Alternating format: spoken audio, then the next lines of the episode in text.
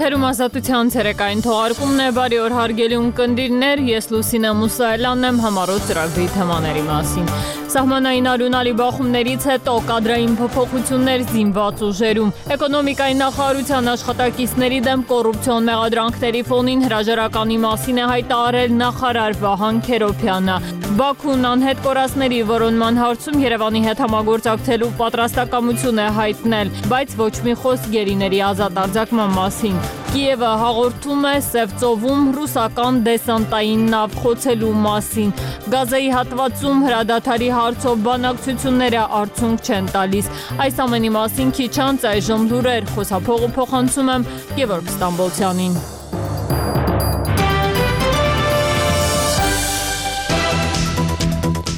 Պաշտոնանքի արվել Հայաստանի էկոնոմիկայի նախարար Վահան Քերոփյանն այս մասին արդեն նախկին նախարարը գրել է Facebook-յան իր էջում նշելով թե մեջբերում ստացվեց այնպես, որ ես էկոնոմիկայի նախարարի պաշտոնում այլևս չեմ ծառայելու ձեզ։ Փոխատեղումներ զինված ուժերում պաշտոնանքի արվել գլխավոր շտաբի պետի տեղակալ Կամո Քոչունցը նրա փոխարեն այս պաշտոնում նշանակվել է Արթուր Երոյանը, նախկինում նա Վազգեն Սարգսյանի անվան ռազմական համալսարանի պետն էր։ Այսօր Բաքվում կայացել է Ադրբեջանի նախագահ Իլհամ Ալիևի երթմնակալության արարողություն Հանրապետությունը դրանից անմիջապես հետո հետո հետևելով երկրի օրենսդրության պահանջներին Ալի Ասադովի կառավարությունը հրաժարական է ներկայացրել։ Վաշինգտոնը փորձում է մերձեցնել Երևանի եւ Բաքվի դիրքորոշումները հայտարարել է Եվրոպայի եւ Եվրասիայի հարցերով ԱՄՆ պետքարտուարի տեղակալ Ջեյմս Օբրայենը անդրադառնալով նախոր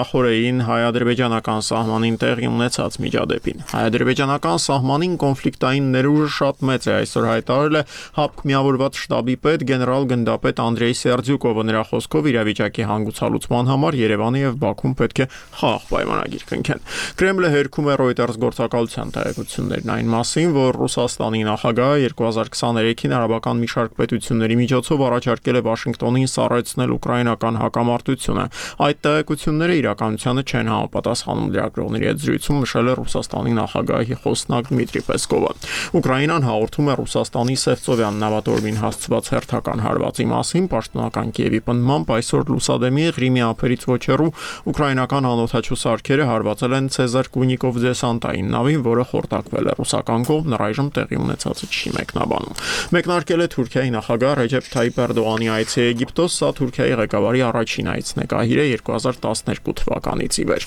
Իսրայելը հաղորդում է Լիբանանի տարածքից իրականացված հրթիռակոծության մասին, դրա հետևանքով ըստ իսրայելական աղբյուրների 1 մարդ զոհվել է, առնվազն 8 տարբեր աստիճանի վնասվածքներ են ստացել։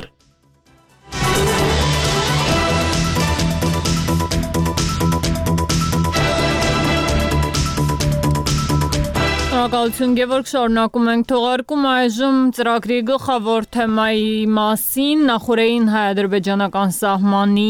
ներքին հանդի ուղությամբ ռազմական բախումներից հետո որի հետևանքով 4 զինծառայող զոհվեց եւս մեկն էլ վիրավորվեց պաշտոնից ազատվել է գլխավոր շտաբի պետի առաջին տեղակալ Կամու Քոչունցը նրան այդ պաշտոնում կփոխարինի Արթուր Երոյանը Վազգեն Սարգսյանի անվան ռազմական համալսարանի արդեն նախկին պետը զինված ուժերում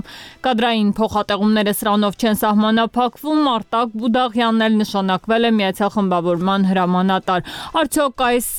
կադրային փոփոխությունները կապված են երեկվա սահմանային արյունալի միջադեպի հետ, փորձել է ողջել Ռուզաննա Ստեփանյանը։ Վարչապետ Փաշինյանի առաջարկությամբ պաշտոնից ազատվել է գլխավոր շտաբի պետի առաջին տեղակալ Կամո Քոչունցը։ Ընդ որում Փաշինյանն այս որոշումը կայացրեց 3 ներքին հանդում հայկական դիրքերի վրա ադրբեջանական զորքի հարձակման եւ 4 զոհերի ողբերգական իրադարձությունից հետո։ Պարզ չէ արդյոք այս որոշումը կապ ունի սահմանային լարվածության հետ, թե ոչ։ Պաշտոնական մեկնաբանություն ռազմական գերատեսչությունից դեռ չի հնչել։ Ավելի քան 30 տարի զինված ուժերում տարբեր պաշտոններ զբաղեցրած 61-ամյա գեներալ լեյտենանտ Կամո Քոչունցին գլխավոր շտաբի պետի տեղակալի պաշտոնում կփոխարինի 46-ամյա Արթուր Երոյանը։ Անցած 3 տարիներին Երևանը ղեկավարել է Վազգեն Սարգսյանի անվան ռազմական ակադեմիան, ոչ այդ զբաղեցնելով մի շարք հրամանատարական պաշտոններ։ Ես շատ լավ եմ ճանաչում Քոչունցին, առաջի պատերազմից մենք իրար հետ ենք եղել։ Քոչունցը արդեն տարիքային խնդիր ուներ, հիմնականում տարիքային խնդիրը պետք է լինի, որ իրեն ազատել։ Խորհրդանի պաշտպանության հանձնաժողովում պնդում են, Քոչունցի պաշտոնակությունը կապ չունի ներքին հանդում տեղի ունեցած ռազմական գործողությունների հետ։ Պաշտպանության հանձնաժողովի անդամ Գագիկ Մելքոնյանի պնդմամբ կադրային այս փոփոխությունը բանակում տեղի ունեցող բարեփոխումների շրջանակում է։ Չէ, ես ես չեմ կապում այս գործողությունների հետ, որովհետև նորից եմ ասում, գլխավոր շտաբում դեռ շատ փոփոխություններ կլինեն եւ արդեն հասկանալի է, որ մենք գնում ենք նոր տեխնիկա եւ փոխելու ենք մեր նախկին կառավարման ձևը, կառավարման ձևը փոխվելու է։ Նախկին փոխնախարար Գագիկ Մելքոնյանը, ով նաև երկրապահ կամավորական միության անդամ է, սպասում է ռազմական ոստիկանության ծառայողական քննության արդյունքներին, որpիսի հասկանա թե ինչ է տեղի ունեցել փետրվարի 12-ին ներքին հանդի դիրքերում։ Եթե կամավորները առաջինն են կրակել, ինչպես պնդում են ադրբեջանցիները, որն է եղել պատճառը։ Ավելի վաղ տարածած հաղորդագրության մեջ Հայաստանի ռազմական ոստիկանությունը տեղեկացրել էր, թե նախնական տեղեկություններով կրակ բացելու իրավիճակ չի եղել։ Չկա այտենց հասկացողությունը անիմաստ կրակել կրակել։ Այդտենց բան չի կարող լինի, որ դու տնես ու քու համար կրակես։ Ինչ ես կրակում։ Ուրեմն մի բան ինքը զգացել է, մի բան տեսել է, որ բան արե, կրակել է ինչ որ մի առաջ խաղացում կամ ինչ որ մի բան նկատում է դիրքապահավոր կրակում է բայց այսքան ժամանակ ամիսներով ինչի կրակոց չի եղել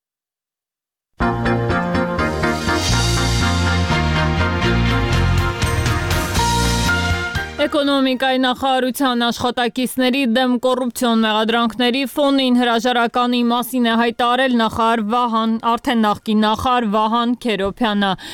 Նա այդ մասին Facebook-ում է գրել չհստակեցնելով սակայն հերացման պատճառը Քերոփյանը սակայն ակնարկել է բազմաթիվ անհամաձայնություններ կային, թե ում հետ ինչ հարցերի շուրջ նա չի parzabanել ավելի մանրամասն Արտակ Խուլյանը կպատմի։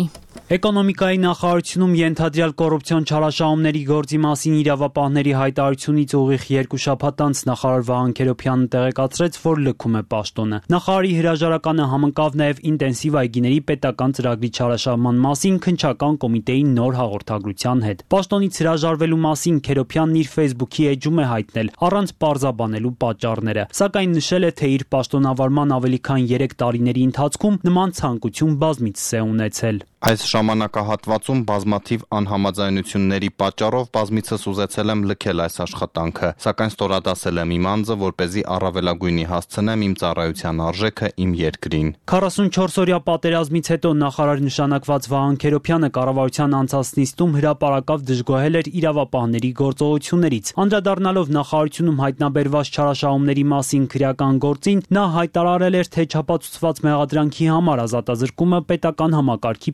պարալիզացման պատճառ է դառնում։ Եթե մարդուն գողություն անելու չեն բռնել, Հիմա մեր գյուղատնտեսական վարչությունները հարց են տալիս, ասենք մենք ինչպես շարունակենք աշխատել, որ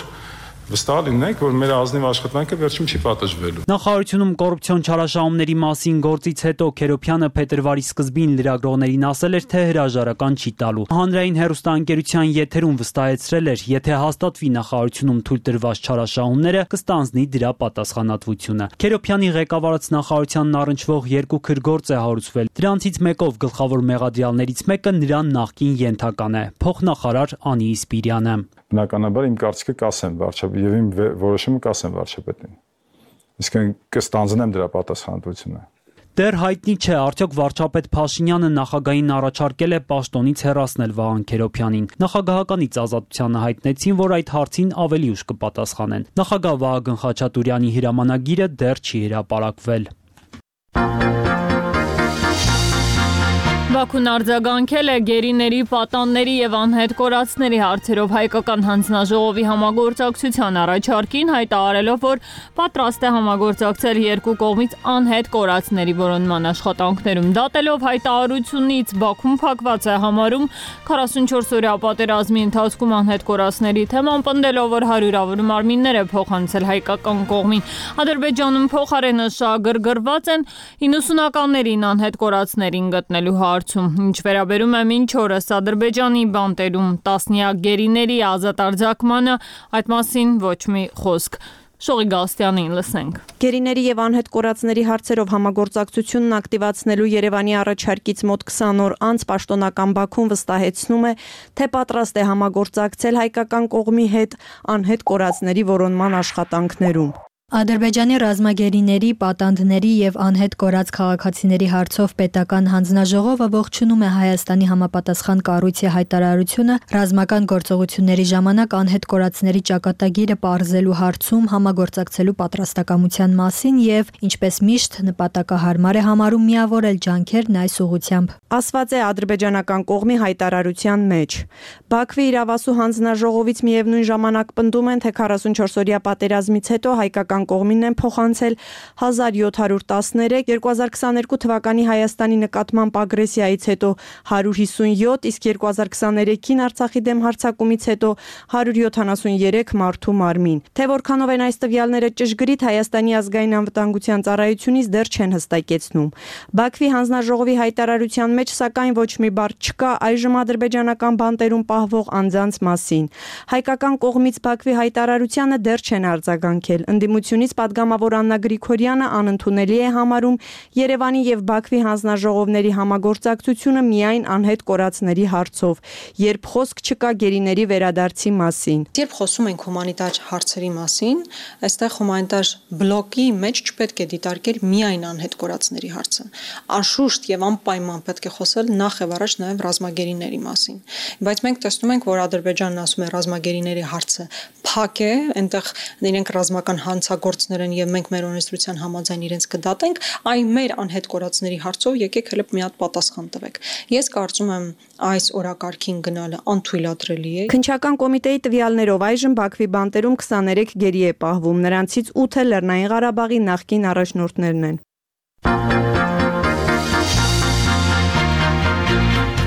Ազատություն TV-ի տաղավարում հյուրընկալել են քննիմադիր падգամավոր Անա Գրիգորյանին, ով բարբերաբար ցանոթանում է խաղաղության պայմանագրի թարմացվող բովանդակությանը, լսենք Արլեն Ասլանյանի հարցազրույցից մեկ հատված։ Իշխանությունն ավելի ու ավելի կոշտ է հերքում, որ համանadrության փոփոխությունը Ալիևի պահանջով է եւ այստեղ իսկապես դրամաբանական չէ որ ադրբեջանի իշխանությունները կարող են միանալ հայաստանյան ներքաղաքական լարվածությունը առաջացնելու այդ գործին այդ թվում եւ ձեր շուրթերով որ դուք քննադատեք Փաշինյանին իրենք այդ դիվիդենտները քաղեն սա չգիտեմ մանիպուլյացիա եւ ցինիզմի իրապես կակատնակետն է այսինքն իրենք գնում են պայմանավորվում են Նիկոլ Փաշինյանը ընդունում է Ալիևի պահանջը մենք էլ ասում ենք այդ պահանջով անթույլատրելի է որ համանդրության փոփոխություն տեղի ունենա նոր համանդրություն գրվի դեռ մենք ստացվում է, որ Ադրբեջանի օրակարգն ենք առաջ տանում, սա ուղղակի մաստեր կլասը մանիպուլյացիա է։ 2021 թվականից ի վեր հնչել է Ալիևի կողմից պահանջ փոխել Հայաստանի Հանրապետության սահմանադրությունը։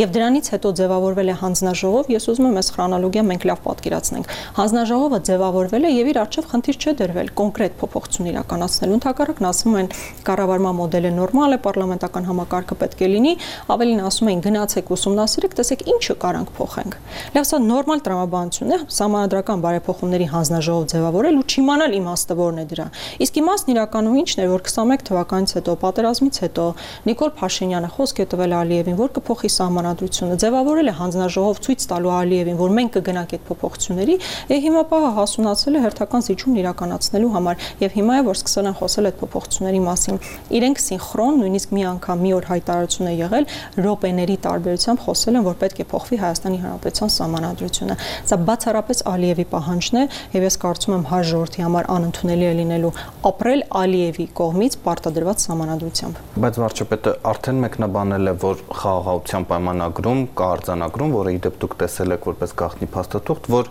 համանadrությունը չի կարող վեր լինել խաղաղության պայմանագրով ստանձնած պարտավորությունից։ Այսինքն ինչ էլ գրված լինի այդ համանadrությունում, միևնույնն է խաղաղության պայմանագիրը ավելի իրավազոր փաստաթուղթ է։ Սա հերթական, լավ, սա հերթական մանիպուլյացիան է Նիկոլ Փաշինյանի կողմից, որովհետև ցանկացած միջազգային փաստաթուղթ չի կարող ստորագրվել, որը հակասում է մեր համանadrությանը։ Այժմ միջազգային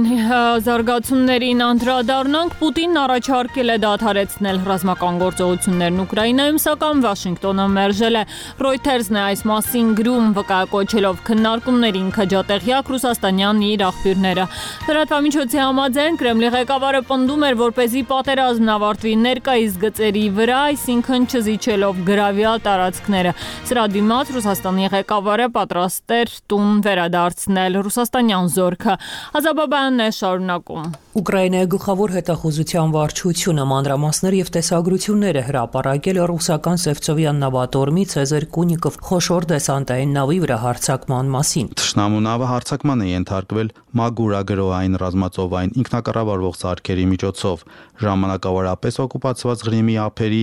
Ալուպկա քաղաքի մոտ։ Ցեզար Կունիկովը ստացել է քրիտիկական անցքեր եւ սկսել խորտակվել ասվում է գերատեսչության հաղորդագրության մեջ Կրեմլի խոսնակը Ռուսաստանի պաշտպանության նախարարությունը չեն մեկնաբանել հարցակման մասին լուրերը, սակայն ռուսական ռազմական տելեգրամալիքները նույնպես գրում են նավի վրա հարցակման մասին միաժամանակ պնդելով, թե ամբողջ անձնակազմը ողջ է։ Երկու շաբաթ առաջ հաղորդվել էր, որ ուկրաինական արտադրության Մագուրա ռազմածովային ինքնակառավարվող սարքերի հարցակման արդյունքում ոչնչացվել է Սևծովյան նավատորմի խոշոր հրթիռային նավը Իվանովեցը։ Միաժամանակ Ռուսաստանի պաշտպանության նախարարությունը հայտարարել է, որ գիշերը Ռուսաստանի տարբեր շրջաններում խոցվել է ուկրաինական 9 կամիկադզե անօթաչու թռչող սարք։ Նախարարության տվյալներով չորեքշաբթի գիշերը 6 անօթաչու թռչող սարք են խոցվել Սևծովի, երկուսը Բելգրադի, մեկը Վորոնեժի շրջանում։ Ուկրաինային սահմանակից Բելգրադի եւ Կուրսկի մարզերում էլ գիշերը հրթիռային տագնապ էր հայտարարվել։ Մինչ այդ Ուկրաինայի զինված ուժերի նորանշանակ գլխավոր հրամանատար Ալեքսանդր Սիրսկին եւ պաշտպանության նախարար Ռուստեմ Ումերովը այցելել են ուկրաինական զորքերի դիրքեր Ավդեևկայի եւ Կուպյանսկի ուղություններում, որտեղ ռուսները ինտենսիվ գրոհներ են անցկացնում։ Ընդգծելով, որ օպերատիվ իրավիճակը մնում է շատ բարդ եւ լարված, այդ թվում ռուսական զորքերի թվային առավելության պատճառով Սիրսկին գրել է. Ռուզինվորականները ակտիվորեն կիրառում են ավիացիան ինչպես նաև խիտ ականանետային եւ հրետանային կրակ են բացում Ուկրաինայի զինված ուժերի դիրքերի ուղությամբ։ Մենք անում ենք ամեն ինչ, որպեսզի մեր դիրքերը պահպանվեն։ Ավելի վաղ Սիրսկին գերմանական հերոստալիքին տված հարցազրույցում ասել էր, թե ուկրաինական բանակը ճակատում ստեղծված բարդ իրավիճակի պատճառով անցել է պաշտպանական գործողության։ Նրա խոսքով գործողության նպատակը հակառակորդի ուժերը սպառելն է։ Միաժամանակ գլխավոր հրամանատարը նշել էր, թե ուկրաինական բանակը պատրաստ է անհրաժեշտության դեպքում թողնել դիրքերը անձնակազմը պահպանելու համար։ Մյուս թեժ հակամարտության մասին գազայի հատվածում շարունակվող պատերազմի վերջին Զարգացումները կարծեք թե փակուղում են հայտնել հնարավոր հրադադարի նոր պայմանավորվածությունների շուրջ երեք Կահիրեում տեղի ունեցած բանակցություններն ըստ ամենայնի ավարտվել են առանց արդյունքների, հիշեցնենք նոր պայմանները քննարկում էին Միացյալ Նահանգների եւ Իսրայելի հետախուզությունների ղեկավարները, ինչպես նաեւ Եգիպտոսի եւ Կատարի պաշտոնյաները համաձայնության բացակայությունն այժմ ավելի է սրել 100 հազարավոր պաղեստինցիների մտավախությունները, որոնք այս օրերին Ռաֆահում փորձում են փրկվել ցախալի հարվածներից։ Արմեն Քոլյանն է հաղորդում։ Գազայի հատվածում հրադադար սահմանելու հարցով Կահիրեում անցկացվող բանակցություններում որևէ լուծում չի ուրվագծվում։ Կողմերը համաձայնել են եւս 3 օրով երկարաձգել քննարկումները, բայց դրանց կմասնակցեն ավելի ցածր դիրք զբաղեցնող պաշտոնյաներ։ Այդ մասին այսօր հաղորդել է The New York Times-ը, որի փոխանցմամբ ամերիկյան ղեկավարությունը խուսափում է բանակցություններին գնահատականներ տալուց նախորդին Սպիտակ տան ազգային ազգային անվտանգության հաղորդակցության հարցերով խորհրդական եւ նախագահի օգնական Ջոն Քիրբին հավատացրել է, թե բանակցությունները ճիշտ ուղղությամբ են ընթանում, բայց մանրամասներ չի հայտնել։ Բազմի մաստ նկատել տալով, թե ոչինչ չի արվում, քանի դեռ ամեն ինչ չի արվել։ Նրա խոսքով նպատակը երկարատև եւ կայուն հրադադարն է, որը թույլ կտա ազատել պատանդներին եւ նվազեցնել բռնությունների աստիճանը։ We are still focused on trying to get an extended humanitarian pause. Մենք տակավին կենտրոնացած ենք երկար երկարատև մարդասիրական հրադադար հաստատելու հնարավորության վրա։ Ես հասկանում եմ ձեր հարցը եւ հայտնում եմ, որ մենք աջակցում ենք եւ շարունակելու ենք աջակցել երկարատև մարդասիրական հրադադարի կայացմանը, նշել է Քիրբին։.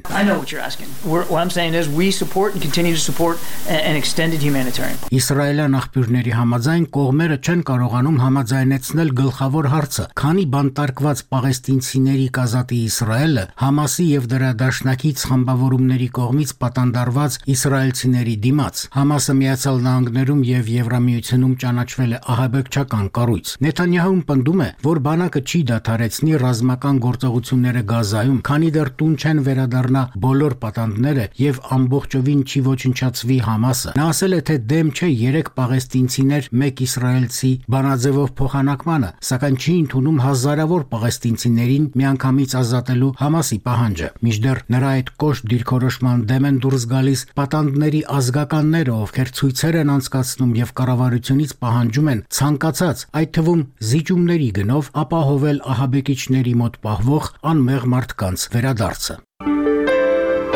Այսքանն ենք նախատեսել այս ժամի համար ազատությունը ռադիոեթեր կվերադառնա 40 րոպեից միացեք մեզ նաև այդ ժամին խոցափողի մոտ լուսինե մուսայելյաններ առայժմ